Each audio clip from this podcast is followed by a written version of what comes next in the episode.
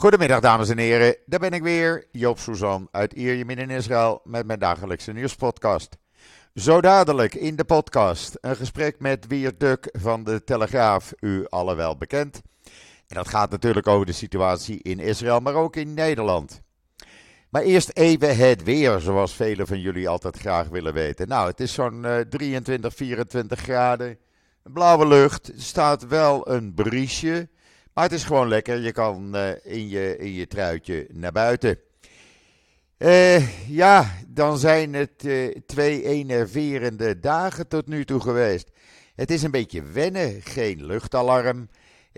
erg rustig. Mensen gaan nu wat makkelijker naar buiten, ook een terrasje pikken. Maar het blijft allemaal een beetje onwezenlijk, wetende dat er een paar honderdduizend soldaten in Gaza zitten. En dan hebben we natuurlijk die twee emotionele vrijlatingen gehad van gijzelaars. Uh, ja, daar laat je een traantje bij. En ik denk niet dat ik de enige ben uh, geweest. Het was vrijdagavond uh, een hele rare vrijdagavond. niet de vrijdagavond die Joop gewend is. Want normaal gesproken, ja, wat doe je? Je zit met familie, vrienden. Uh, ja, dat doe je nu al een paar weken niet meer. Maar goed, je maakt toch kiddoes en je maakt er op voor jezelf toch een echte vrijdagavond van. En dat ging afgelopen vrijdagavond niet gebeuren, want we zaten natuurlijk uh, klaar om die gijzelaars te ontvangen. En dat gebeurde precies tussen 4 uur s middags Israëlische tijd en 10 uur s avonds. Dus het was eten en werken tegelijk. Een beetje raar voor Joop. Maar goed, eh, ik heb het ervoor over. Ik vond het belangrijk om jullie eh, te informeren zo snel mogelijk. En dan, eh, dan gisteren, ja, er waren gisteren een drietal keer luchtalarm in het noorden. Er was een raket van de Houthis uit Jemen richting Eilat. Die is er door een F-35 uit de lucht geschoten. Het is niet helemaal stil en dan toen kregen we gisteravond natuurlijk Hamas die uh, vond dat Israël zich niet aan de afspraken hield en weigerde de gijzelaars over te dragen aan het Rode Kruis. Ja, dat Rode Kruis dat is eigenlijk gewoon een taxidienst, hè, want die hebben echt niets, maar dan ook niets die zeven weken gedaan. Uh, maar goed, uh, zij, zij maakten problemen en dat verwachtte iedereen eigenlijk wel. En dat uh, waren onderhandelingen, daar kwam Qatar uh, aan te pas, daar kwam Egypte aan te pas. Uh, uiteindelijk zei Israël heel simpel, als de gijzelaars om 12 uur niet de grens over zijn, dan, ja, dan gaan we de oorlog hervatten. Dan is de wapenstilstand opgeheven. Nou, dat werkte. ze werden voor 12 overgedragen aan het Rode Kruis. En het Rode Kruis bracht ze na middernacht de grens over. Waren, ze waren dus wel wat later in Israël. Deze werden gedwongen trouwens in de busjes van Hamas te zwaaien, uitbundig te zwaaien, om te laten blijken dat Hamas echt die sociale instelling is, zoals RTL 4 en NOS Nieuws altijd beweerden. En zoveel tienduizenden, misschien wel honderdduizenden mensen in Nederland vinden. Maar goed, uh, daar prikken we natuurlijk doorheen. Uh, ze verkeren, ook deze verkeren verrassend in redelijk goede lichamelijke conditie. Er is één vrouw van 21 die vandaag een operatie moet ondergaan aan haar been. Waar ze op 7 oktober in geschoten was. Maar dat is niet levensbedreigend en dat komt helemaal goed, zei het ziekenhuis. En voor de rest, ja, uh, ze zijn in uh, redelijk goede conditie. Wel enorm afgevallen, want er was op een gegeven ogenblik geen eten meer. En toen werden het alleen maar pita broodjes. Je kan dat allemaal lezen in Israël Nieuws. Ik heb het allemaal voor jullie vertaald. Met foto's, met video's. Daar kan je alles lezen. In ieder geval, ja, ze krijgen nu begeleiding. ook dit is mooi om te zien hoor. Want er zitten video's bij, gisteren ook weer. Dat jongetje van negen die uh, dan plotseling bezoek krijgt. Hij heeft zijn negende verjaardag in, uh, bij Gemas gevierd. Uh, en dan komt plotseling het elftal, voetbalelftal van Hapoel Beersheba op bezoek. Ja, dat is toch fantastisch om dat te zien. En dan die, die video die ik vanmorgen in dat artikel heb gezet en hem ook nog apart online heb gezet. Van dat meisje van negen wat haar vader in de armen vliegt. En dat andere meisje wat haar oom in de armen vliegt, waarvan de vader dus dood is. Ja, dat zijn toch momenten dat ook Joop uh, een traantje laat. En ik denk velen van jullie. Uh, ja, ik heb al die artikelen dus online staan. Uh, ook de voorbereidingen kan je zien, video's. Video hoe ze de grens overkomen, hoe ze omhelst worden. Ja, dat is gewoon prachtig om te zien. En dan al die gekkies in Nederland die dan vandaag weer gaan demonstreren eh, voor Hamas op de Dam in Amsterdam. Ja, sorry, maar daar ga ik van over mijn nek. Echt waar. Dan zeg ik, eh, jullie zijn niet goed bij je hoofd. Jullie beseffen niet wat hier plaatsvindt. Hamas is geen sociale instelling. En Hamas, diezelfde Hamas, heeft gisteren een uh, boodschap uh, uitgebracht. Ik heb hem uh, op Twitter gezet. Waarin ze hun verontrusting, verontrusting uitspreken voor de overwinning van Geert Wilders. Hoe vind je die? Hamas is kwaad dat Geert Wilders misschien premier in Nederland wordt. Nou, ik mag leiden dat hij het dan wordt. Dan weet Hamas tenminste dat ze niet alleen maar met Israël te maken hebben, maar ook met Geert Wilders. Ja, en dan heb ik uh, ook wat getuigenissen van mensen die gisteravond zijn vrijgelaten, of vrijdag zijn vrijgelaten, online gezet. Ze dachten dat toen ze in de busjes van Hamas uh, zaten, dat ze gelinst zouden worden.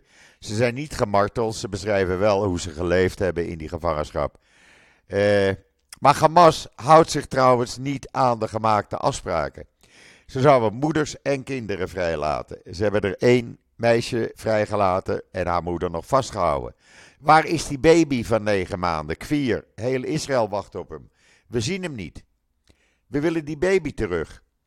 Uh, ja, het is allemaal uh, bijzonder wat we hier meemaken. Echt waar.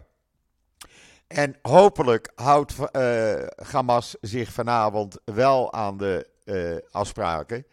En wordt die tweede groep, of die derde groep, vrijgelaten. Volgens afspraak. We zitten er om vier uur vanmiddag weer voor klaar. Maar hou er maar rekening mee dat Hamas, je kan ze niet vertrouwen, dat uh, Gaius, weer met aanvullende eisen komen. Wat was dan gisteren de eis, zullen jullie willen weten? Nou, heel simpel. Uh, de IDF had vrijdag opgeroepen om niet terug te gaan naar het noorden.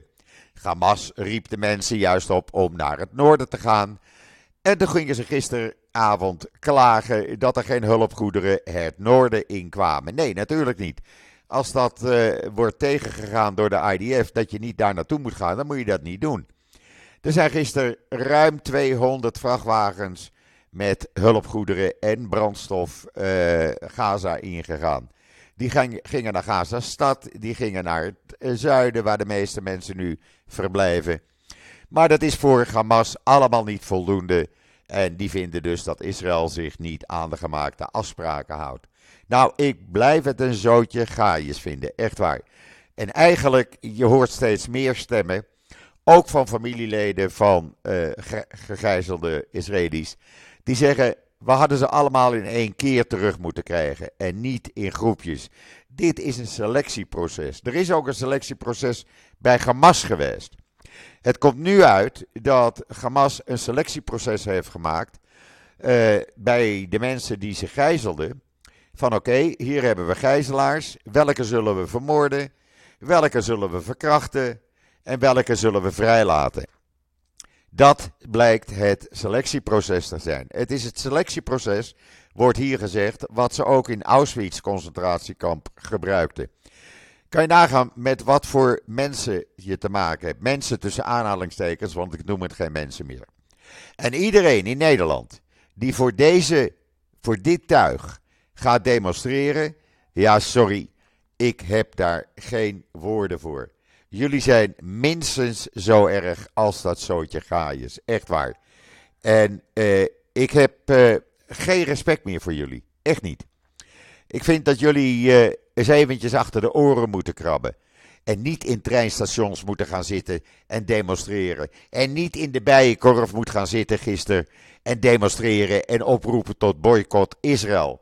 In de bijenkorf. En dan komt de politie en die gaat je over je bol aaien. En dan gaat de politie weer weg. Wat is dat voor land geworden, Nederland? Ik begrijp er niets van. Echt niet. Je ziet die video. Je ziet die politieagenten op haar hurken bij die demonstranten zitten. Nou, het is niet net zo alsof ze een koekje of een snoepje geeft. In plaats van dat je dat tuig oppakt en arresteert. Nee, gaan jullie maar weer verder hoor jongens, maar niet zo hard schreeuwen. Nou, sorry hoor. Als dit het beleid van de Nederlandse overheid, de Nederlandse politie is, tegen demonstranten, tegen Israël, nou, dan is de Nederlandse politie al net zo slecht als dat tuig. Echt waar. Want die pak je op. En er wordt er vanmiddag weer gedemonstreerd in Amsterdam op de Dam voor Hamas, tegen Israël. Ik heb daar geen woorden voor. Ik begrijp niet wat voor land Nederland is geworden. Echt niet. Maar goed, ik heb me geuit. Ik ga nu kijken of ik contact kan krijgen met Wierduk. En dan uh, ben ik bij de seconde bij jullie terug. Een ogenblikje geduld, alsjeblieft. Nou, het is weer gelukt. De verbinding met Nederland. Wiert, goedemiddag. Hallo Joop, goedemorgen. Ja, bij jou uh, nog goedemorgen terwijl oh, we dit opnemen. Ja, goedemiddag natuurlijk als je dit uitzendt. Goedemiddag Joop. mag hoor, mag. Wiert, we hebben een beetje een rare situatie gekregen gisteren. Een uh, officiële boodschap van Hamas waarin ze uh, oproepen om Wilders voor het internationaal gerechtshof te, te brengen. Het is er niet te geloven, de wereld op zijn kop, hè? Ja, het is echt. nou ja, het zal van hun kant ook wel cynisch zijn bedoeld. Indien niet, dan zijn ze dus echt krankzinnig. Maar ja, helaas zijn ze dat, vrees ik ook. Het is natuurlijk echt van de gekken dat een terreurgroep die net zoveel slachtoffers heeft geëist, burgerslachtoffers, uh, dit over een uh, democratisch gekozen leider van de inmiddels de grootste partij in Nederland zegt. Ja. Maar ja, dan zie je dus ook wel, hè, want tegelijkertijd, tegelijkertijd zag ik die beelden op de Westbank, waar Hamas dus kennelijk ook gewoon zijn gang kan gaan, dat daar geen Palestijnse autoriteit daar gewoon geen autoriteit heeft zag ik twee mensen geëxecuteerd worden. Ja. En vervolgens in de vuilniscontainer verdwijnen. Hè. En ik geloof zelfs dat de ledematen waren afgesneden. Ik zag nou, ze werden, eerst, uh, benen. ze werden eerst nog opgehangen aan elektriciteitsmasten, zodat iedereen ze kon zien. Nou, en dan staan daar duizenden mensen te juichen. En daarna... Ja, en te filmen en foto's te maken. Ja, geweldig vinden ze dat. En daar moet je dan mee onderhandelen, hè, met uh, dat soort uh, figuren. En daarna werden ze in vuilniscontainers uh, gegooid, waarbij inderdaad ledematen werden afgehakt, want anders pasten ze, pasten ze niet in de vuilniscontainer. Ze hadden de, de elektrische zaag meegenomen vanaf huis. Ik weet het niet. Maar ja, Joop, je gelooft het toch allemaal niet als je die beelden ziet. En dan, inderdaad, dat is dan op de Westbank. Dat is gewoon vlak naast, hè, waar, je, waar Israëli's wonen. Nou, het is waar ik woon. Het is 9 kilometer bij mij vandaan, Tulkarem. Dat is 9 kilometer bij mij vandaan, net over de grens. Ik kijk erop. Eh, ik kan het zien. Wij Europeanen moeten onze grote mond zo dicht houden over uh, Israël. En gewoon, weet je wel, uh, ervan uitgaan dat Israël de enige democratie is daar. Die zich moet kunnen verdedigen. En die dit soort beesten gewoon heel erg ver van zich moet houden. Ja. En uh, als, het, als die Palestijnse autoriteit er niet in slaagt om enige autoriteit uit te oefenen op de Westbank, dan moet Israël dat doen. Heel simpel. Ja. Het is gewoon je achtertuin. Ja. Hè? Maar ja, maakt dat die uh, woke uh, mensen hier maar eens duidelijk. Die gaan vanmiddag weer demonstreren op de Dam in Amsterdam voor Hamas. Ja. Echt. Ja, ja echt. echt toch. En als Wilders aan de macht komt, dan gaan ze in een rij op straat staan en dan gaan ze roepen uh, in heel slecht Engels, uh, you are not alone. Dan gaan ze dan roepen tegen allochtonen. Ja. die naar hun werk gaan, die niet vrij zijn, weet je wel, die wel een baan hebben. Ik had er gisteren iemand, ik had gisteren iemand op Twitter. Want ik noem het nog steeds Twitter, dat vind ik toch het gemakkelijkste. Er was iemand in Nederland, die uh, had een poster gemaakt, die had hij opgehangen. Van moslims, jullie zijn niet alleen. En moslims, wij staan uh, arm in arm bij jullie. En moslims, we laten jullie niet vallen. Toen heb ik die man een vraag gestuurd. Die, die, die, die tweet met die vraag is inmiddels meer dan 50.000 keer geretweet. En ik heb die man die vraag, de vraag gesteld. Beste meneer, ik ben zijn naam vergeten, Henry nog wat. Heb je dat ook tegen de Joodse gemeenschap gezegd toen ze te horen kregen dat ze geen Chanukka konden vieren op het Gelderlandplein, omdat hun veiligheid niet niet. gegarandeerd Ja. kon worden? Ja, Ja, natuurlijk niet. Ja. dat doen ze toch niet? Nee, maar kijk, nee, dat doen ze ook niet. Maar ja, ik heb al een paar jaar geleden besloten dat je met dit soort mensen eigenlijk helemaal niet, eh, geen gesprek kunt voeren. Want die zijn zo ideologisch geïndoctrineerd. Die gaan jou, eh, hè, die gaan jou nooit tegemoet komen. Dus ehm, ja, toen dacht ik ook, als ik, als ik een politicus zou zijn, dan zou ik nog wel met ze praten, maar niet proberen hen te overtuigen. En dan zou ik er gewoon voor zorgen dat ik zoveel mogelijk macht zou vergaren, waardoor ik via beleid in ieder geval eh, de samenleving eh, kan dwingen om, weet je, om op een bepaalde manier. Laat- hoe, kan ik dit het beste zeggen? Natuurlijk moet je dit soort. eh, nou, dat dit soort ideologie niet doordringt in de instituties waar je het niet wilt hebben, laat ik het zo zeggen. Ja, precies. En in die zin, hè, en in die Ja. zin, want die instituties zijn natuurlijk ook helemaal verwookt eh, in Nederland en in het Westen en zo, wat dus heel ondermijnend is. En daar moet natuurlijk tegenwicht tegen worden geboden. Nou, precies dat. eh, dat had natuurlijk de VVD moeten doen en desnoods CDA. Nou is het niet gelukt. Om zich is het ook niet voldoende gelukt. Nou ja, dan moet Wilders het maar doen. Ja. Maar dan heb je, in Wilders heb je natuurlijk wel de radicale variant van dat tegengeluid. Maar goed, dat hebben ze zelf opgeroepen. Ja, deze het is niet anders. En dan, eh? Het is het niet is anders. niet anders, inderdaad, nee. Want zit je waar, waar, met- zijn, met- waar zijn die Nederlandse vrouwengroepen die altijd hun mond vol hebben in Nederland van vrouwenrechten zus en vrouwenrechten me zo? Ja, er zijn honderden jonge vrouwen en eh, eh, wat oudere vrouwen en meisjes verkracht en vernederd. Ja, Ja? ja. Geen woord erover. Geen woord. Echt, hè? Nee, Joop, en kijk, en als, dat, als die middengroepen, hè, de feministische middengroepen, zich niet laten horen, ja, dan, dan wordt het geluid van Reize Blommestein en Eva Varingenbroek en Fleur Agema en zo, ja, die laten zich wel horen. Ja. Hè, dus er gaan heel veel mensen die, die denken van, ik wil op dat geluid stemmen, waar zit dat dan? Ja, die gaan dan op de PVV stemmen, omdat van daaruit komt dat feministische geluid dan natuurlijk. Precies. En dan is opeens, weet je wel, want ik, ik kijk nu naar een Belgische zender en dan zie ik weer zo'n Nederlandse komiek daar eh, de situatie in Nederland verklaren. Hè, en dan moeten dat soort types, die zijn er helemaal verbijsterd, weet je wel, van die linkse vara-types van, hoe heeft dit kunnen gebeuren? Nou, dit heeft misschien kunnen gebeuren omdat jullie je mond hielden. Hè? Ja. Had Ja. je mond was open gedaan met een fatsoenlijk geluid, in plaats van met het woke, links eh, radicale geluid, dan, eh, dan had je misschien nog een midden, middengroep gehad. Die, eh, maar goed, het is dus allemaal mislukt. En helaas heeft ook eh, in Nederland eh, Pieter Omzicht en de Boerenpartij, die hebben het toch wel minder gedaan dan, eh, dan, dan was verwacht. En daar heeft 7 oktober een rol in gespeeld. Dat weet, wel Dat zeker. is, eigenlijk. dat is duidelijk. Ja. Ja. men is wakker geworden. Men is echt wakker geworden. En dan ga je op, Ja. op Wilders stemmen. En, en dan vind ik het meer dom van de VVD dat ze dus gewoon afhaken. Gewoon laf. eh, en niet in een regering met Wilders willen zitten. Dan denk ik, jongens, eh, je praat niet voor je clubpie. Je praat voor een land. Ja? Daar moet je voor Nou ja, vechten. en voor je achterban, eh, sorry, maar voor je achterban waarvan zo'n 80% gewoon heeft gezegd: we willen dat je met Wilders gaat samenwerken. Juist. En een, heel, en een heel groot deel van de Joodse gemeenschap ook in Nederland stemt gewoon VVD, weet ik. Normaal En die zijn gesproken wel. natuurlijk ook teleurgesteld. Normaal Ja. gesproken... Nou, wat zullen die eh, denken? Nou, ik weet dat een heleboel eh, mensen uit mijn kennissenkring in Nederland, een heleboel Joodse kennissen, hebben voor het eerst van hun leven voor Wilders gestemd. Ja, ja, zie je wel. Want Wilders komt wel voor hun op. Ja. En Wilders zegt gewoon waar het op staat. En ook wat betrek- met betrekking tot Israël.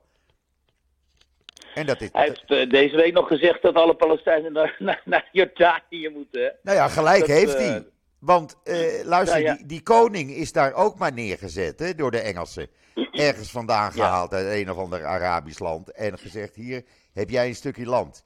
En, en 70%, 75% van de bevolking in Jordanië zijn Palestijnen. Ja, ja.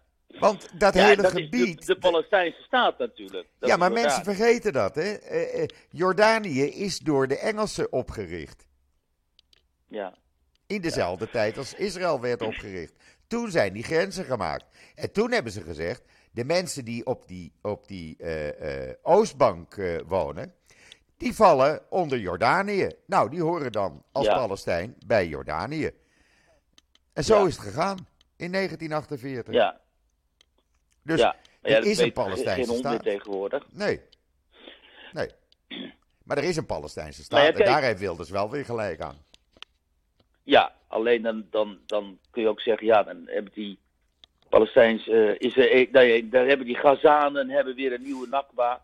Hè, en dan wordt, die gaan er weer in vluchtelingenkampen in Jordanië zitten. En dan wordt het daar weer totaal instabiel. En de Jordaanse overheid wil dat natuurlijk ook helemaal niet. Hè, want Nee, die hebben wil dat slechte niet. Die zitten daar lekker. Nee. En, en Gaza, Egypte wil het niet terug. Niemand wil het besturen. Niemand wil Nee, niemand wil. En niemand wil vluchtelingen uit Gaza opnemen in het Midden-Oosten. Geen Nee. land. Nee. Ja, want Israël had Ze hebben allemaal enorm slechte ervaringen met Palestijnen. Hè? Ja, ze weten wat ze in de, eh, in de kuip krijgen. Dus eh, wij moeten ze niet, zeggen ze hier. Saudi-Arabië niet, Ja. de Emiraten niet, Egypte niet, Jordanië niet. Niemand wil ze hebben. Niemand. Nee. nee. Dus gaan ze naar Nederland. Ja. Ja, ja, ja. Dat ga je krijgen. ja, dus dus nou ja, dat, eh, dat, nou goed, we krijgen nu misschien een regering Wilders. die heeft, die, maar ja, we gaan het, dat gaan we zien, eh, Joop. Nou, dan gaan ze Eh, naar België. Waar ze, waar ze naartoe gaan. Precies. Ja, precies. Dan lopen ze zo de grens over, inderdaad. Ja, dan gaan ze naar België. Dus, ja. Ik bedoel, want Hans Knoop eh, heeft het van de week nog uitgelegd. Dat wist ik weer niet. In de podcast. eh, eh, dat België een soort BDS-wetgeving heeft eh, gemaakt. Dus eh, er wordt gewoon door de regering, de federale regering. Nou, kijk. Ehm, wat, er in, wat er in België is wel iets schandaligs gebeurd. Ik heb wel contact met uh, Asita Kanko, hè, het Europees Ja. parlementslid, dat het ook erg opneemt voor Israël. die is goed. Ja, die is Ja, en goed. die, die is goed, ja. En die is zo ondaan vanwege het feit dat die Belgische eh, eh, premier De Croo daar eh, eh, Israël zwaar heeft bekritiseerd, waardoor die werd geprezen door Hamas. Zowel de Spaanse regering, nou dat is ook zo'n extreem linkse regering inmiddels, als die Belgische. Die worden, krijgen dan loftuitingen van eh, Hamas, terwijl eh, Wilders dus zo wordt aangevallen. Hè? Ja. Nou, dan, dan weet je wel aan welke kant van de streepje staat, volgens mij. Weet je, Ja. wel. je wilt toch niet dat de terreurbeweging als Hamas jou gaat, eh, jou gaat eh, prijzen officieel. Hè? En eh, dan zit je echt wel in het foute kamp. Dus ehm, ja, nou ja, goed, dan moeten ze maar naar België Ja. gaan. Maar ondertussen, Joop, zagen wij dus ook die beelden van die eh, vrijlating. eh, Ja. Door, eh, hè, die, van die Israëlische ge- gegijzelden en zo. Ja. En ik, ik, hoorde, ik hoor nog niet zoveel ehm, ervaringen van die mensen. De, ik geloof dat ze nog niet zijn geïnterviewd, uitgebreid en zo. Nou, ik heb vanmorgen wat. eh, ja, ik heb, media? ik heb vanmorgen wat online gezet. eh, gepikt uit eh Hebreeuwse media. Ja. De meeste gegijzelden zeggen: we zijn goed behandeld. Alleen Ja. het eten raakte op. En we moesten Oh, het op een gegeven ogenblik doen met een pita broodje. Oh, ja. Want iets anders was er niet. Vandaar ook dat je sommige mensen zo enorm vermagerd zag. Enorm vermagerd. Ja, enorm. En dat is na hoeveel dagen? 30 dagen? Hoeveel, Eh, even kijken, 50. Hoeveel dagen zijn het? 50. Ja, ja, ja, viel mij ook op. Zo ontzettend veel afgevallen, die Ja. mensen. En, Ja. Maar kijk, we hadden natuurlijk. Iedereen was natuurlijk bang dat die mensen enorm zouden worden mishandeld. eh, zoals bij, de- bij IS. Hè, verkracht, eh, misbruikt en zo. Maar dat schijnt dus niet aan de orde te zijn. Misschien Nou, er is een selectieproces eh, geweest. Dat is hier bekendgemaakt. Ja. Er is een selectieproces geweest. Wat je kan vergelijken met het selectieproces in Auschwitz. Wat ze toen de tijd deden, Ja. zegt men hier. Ja, Eh, en dat kwam er eigenlijk op neer. de gijzelaars werden meegenomen. En toen werd er, werd er gekeken wie gaan we doden. eh, wie gaan we verkrachten. En wie worden eventueel later vrijgelaten. Dat is het selectieproces Ja. geweest. En dat is verschrikkelijk. dus ja, inderdaad. Er is zo'n filmpje geweest waarop ook een vrouw hè, naar buiten komt en die zou dan worden meegenomen en dan zegt zo'n eh, terrorist, nee, zij blijft hier, zij is om verkracht te worden of zo, zoiets. Ja, Dat filmpje ken jij waarschijnlijk ook. ja. Oh, dus, en dit zijn dus zeg maar, dit, deze selectie is dus de onderhandelingswaar. Dat, daar komt het op neer. Ja die maar zijn eh, vrijgelaten, die waren... eh, iedereen, iedereen wacht nu af. Er is bijvoorbeeld een baby van negen maanden, een jongetje. Ja, je schiet. Waarom laten ja, ze die is niet vrij? Waar is dat kind? Ja, Leeft dat kind ja. nog? Dat- Is het zie kind de, is het ik verkocht? zie de Twitterfeed van die moeder. Ja, ik, ik kijk naar de Twitterfeed van die moeder. En eh, die schrijft dan de hele tijd, hè, mijn baby is nog niet vrijgelaten. Nee, heel Israël wacht erop. Heel Israël zat Ja. ook vrijdagavond. Het was, dit was zo uitzonderlijk. Ik had dat nog nooit eerder meegemaakt. Het leek wel grote verzoendag, Yom Kippur. Vrijdagavond, uitgestorven. Heel Israël zat voor de buis. Heel Israël. Dat heb ik nog nooit meegemaakt. Ongelooflijk, hè? Ja, want normaal gaat het ene, de ene helft bij de andere helft op visite. En dat gebeurde niet. Echt niet. Nee. En, en ze hebben zich ook weer niet aan de afspraak gehouden, want er werd één meisje vannacht vrijgelaten zonder haar moeder. Haar moeder zit daar nog. En een ander meisje werd Ja, vrijgelaten ja, en van zonder haar broer. vader ook... Ja, en de vader dat- zit er ook is- nog. Ja. Ik zag dan af en toe hè, van die verhalen. Vader zit er dan nog, moeder is door eh, Hamas vermoord. Ja, En kinderen worden dan vrijgelaten. Ja. Weet je wel? Ja. En waar ga je dan naartoe terug? Hè? nou, naar, eh, naar haar oom, dat kon je vanmorgen op die video en de foto's zien. Hè? Ik heb ze online geplaatst, want ik kreeg ze van de IDF. Ja, Dan, dan Ja. rent dat meisje, een, een meisje van negen naar haar oom toe. Dat is dan de enige familie die ze nog heeft. Dat Ja, is toch precies, ja. verschrikkelijk. Kijk, die kinderen mogen en, en die vrouwen mogen lichamelijk wel in redelijk goede staat zijn. Maar geestelijk, dat komt nog allemaal naar buiten toe. Dat is iets verschrikkelijks wat zij hebben meegemaakt. Echt, dat wil je toch, dat gun je toch niemand. ja, ja. En, Nee, dat is het. Maar het is een nachtmerrie natuurlijk voor iedereen. Het is verschrikkelijk. En eh, Israël is dan zo'n land, dan is het één. Dat wil zeggen dat iedereen eigenlijk meeleeft, meevoelt met die kinderen, met die moeders, met die families. Er was gisteravond een demonstratie in Tel Aviv. En die demonstratie trok meer dan 100.000 mensen.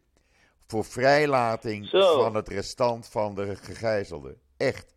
Meer dan 100.000 mensen. Dat hou je toch niet voor mogelijk? Ja.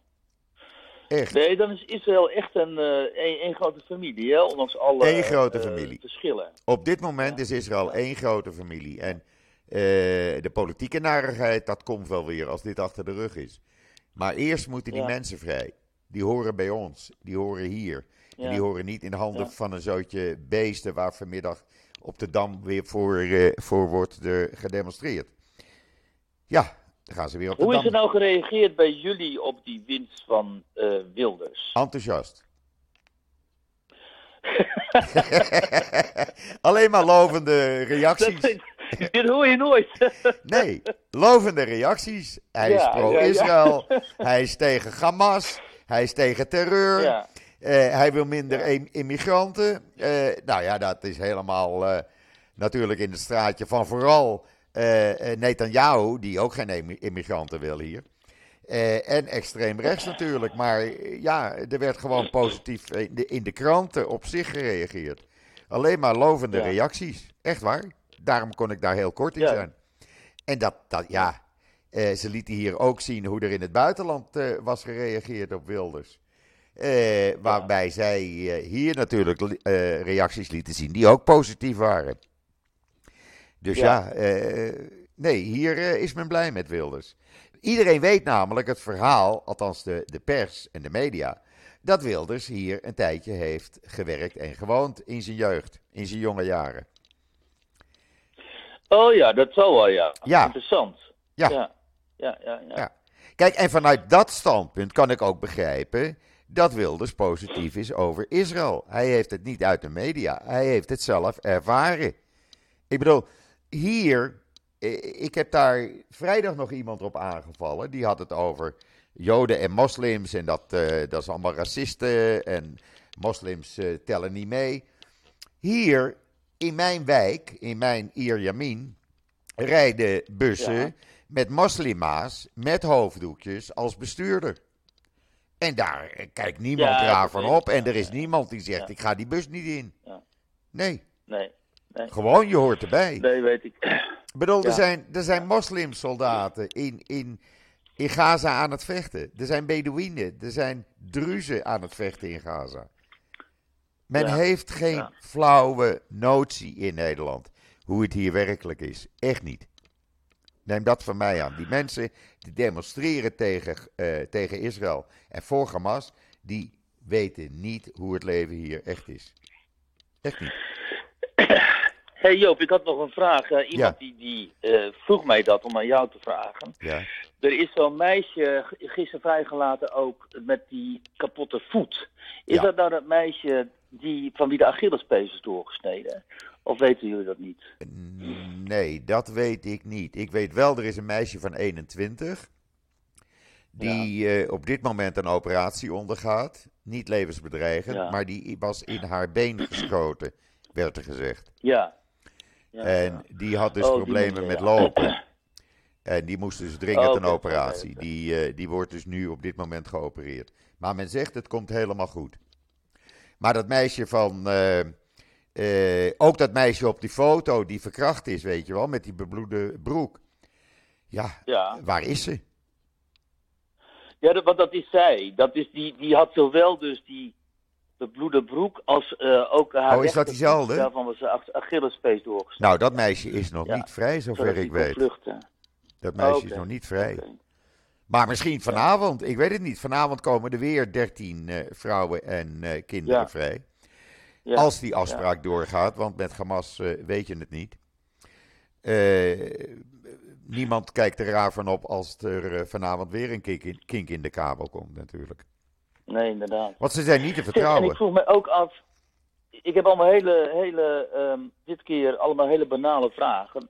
Ik vroeg me ook af, kijk, de heilige maand komt eraan, althans voor christenen. En, eh, hè? Ja. en meestal komen dan heel veel mensen ook naar Israël om daar met, kerst te zijn, en zo, christenen ook. Eh, belangrijk lijkt mij ook voor, de eh, voor die Israëlische economie, die al enorm onder druk ligt vanwege die 250 internal displaced persons en zo. Hè? Ja. Eh, 250.000. Hoe, hoe gaat dat? Wat zijn er voor uitzichten? Komen er buitenlanders naar Israël überhaupt? Nee. Ja, je kan naar Israël komen met El Al. Ja, heel, Ja. het is heel, heel simpel. Ja, want uh, El Al vliegt. Is ook weer eh, vertrokken vandaag. Ja, El Al, eh, El Al vliegt. Eh, Ja. Dus je kan met El Al eh, heen en weer. Maar dit is een van de weinige maatschappijen. Ik dacht niet dat KLM of Transavia vliegt. EasyJet heeft Nee. plannen om in december weer te vliegen. Want die denkt ook, ja, Ja. kerstmis moeten we meepikken. Maar niemand weet wat de situatie eh, over een week is. Houdt dit bestand, gaat dat door? Of krijgen we volgende week, eind van de komende week, weer oorlog?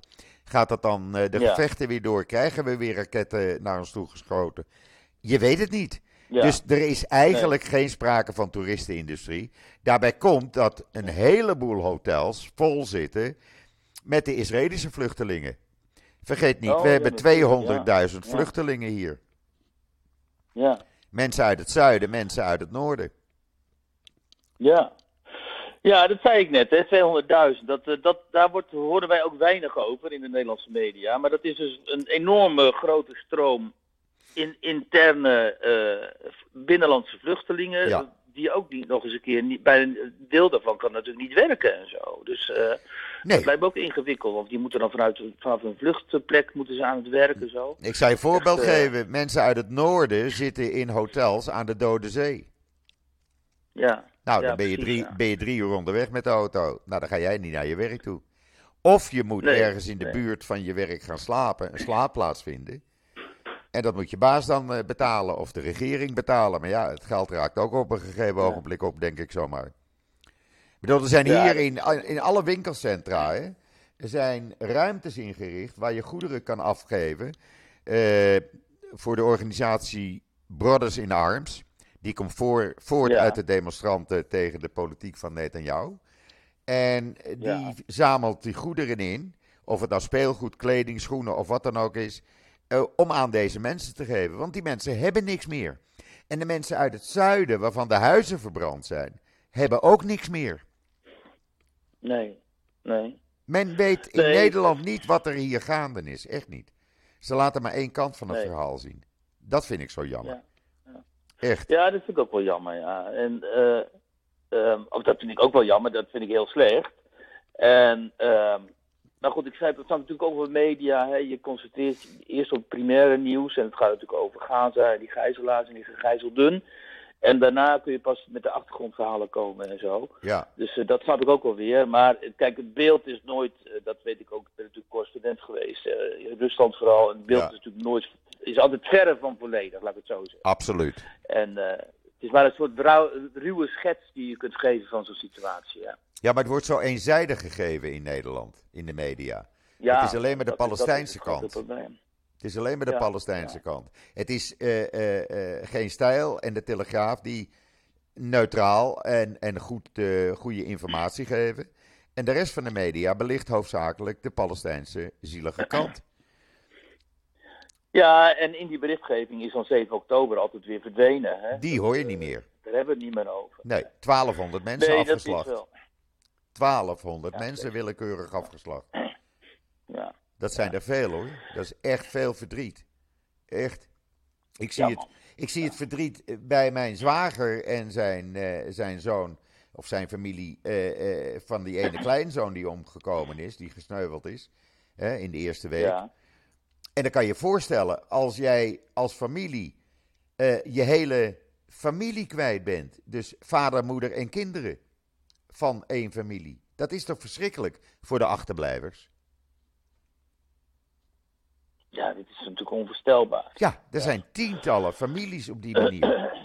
Nou, dat verdriet Ja. kom je nooit meer, nooit meer te boven. En dat hoor je in Nederland niet.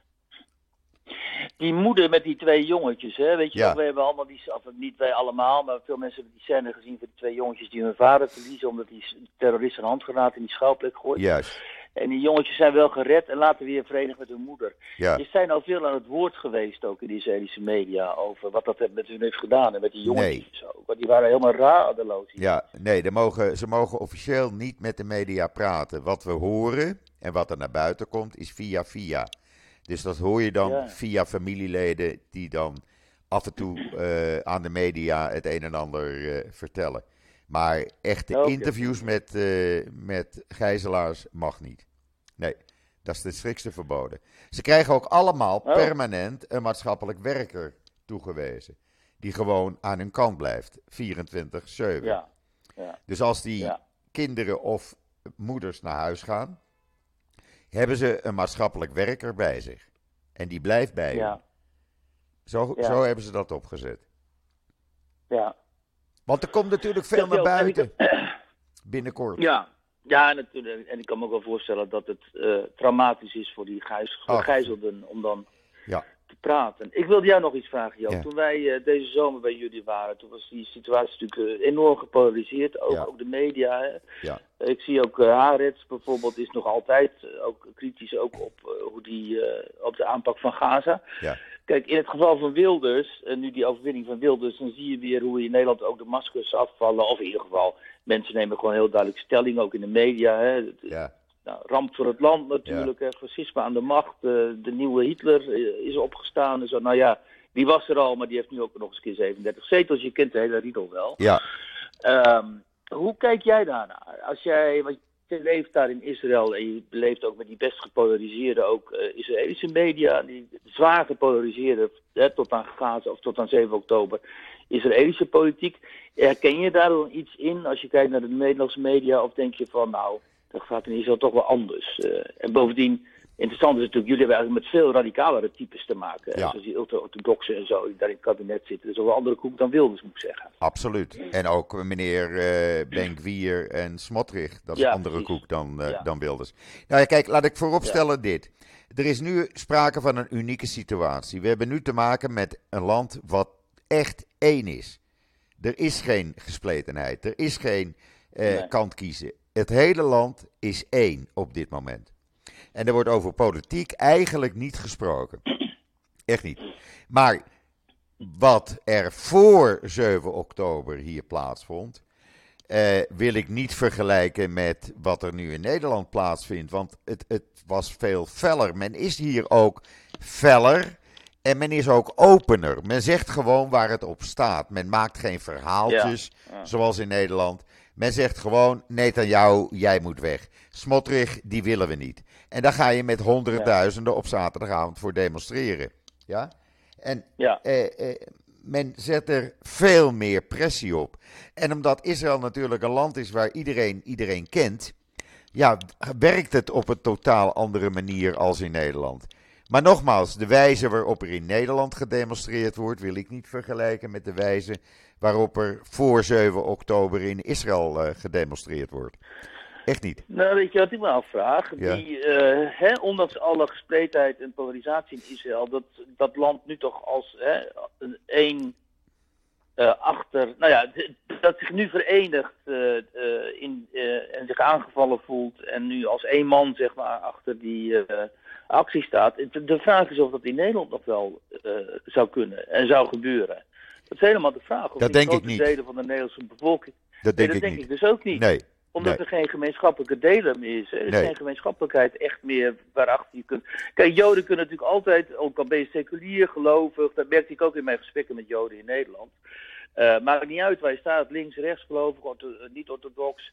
Ehm, je bent Jood. Hè? En, ehm, en dat is dan de be- bepalende kenmerk. En kennelijk heel van die Arabische eh Israëli's, die, die eh, verenigen zich gewoon achter eh, de staat Israël. Maar in Nederland is dan maar helemaal de vraag of, of dat zou gebeuren. En dan niet alleen de allochtone gemeenschappen, maar ook gewoon echt de linkse Ja. dingen. Hè, die helemaal niks van die nazistaat moeten hebben. En het hele idee van Nederland als een soort, eh, als Nederland als een soort culturele identiteit en zo. Ja, dat, daar hebben ze helemaal niks mee. Nee. Dus, Maar er is dat hier- baart mij enorm zorgen. Er is hier wat anders, hè?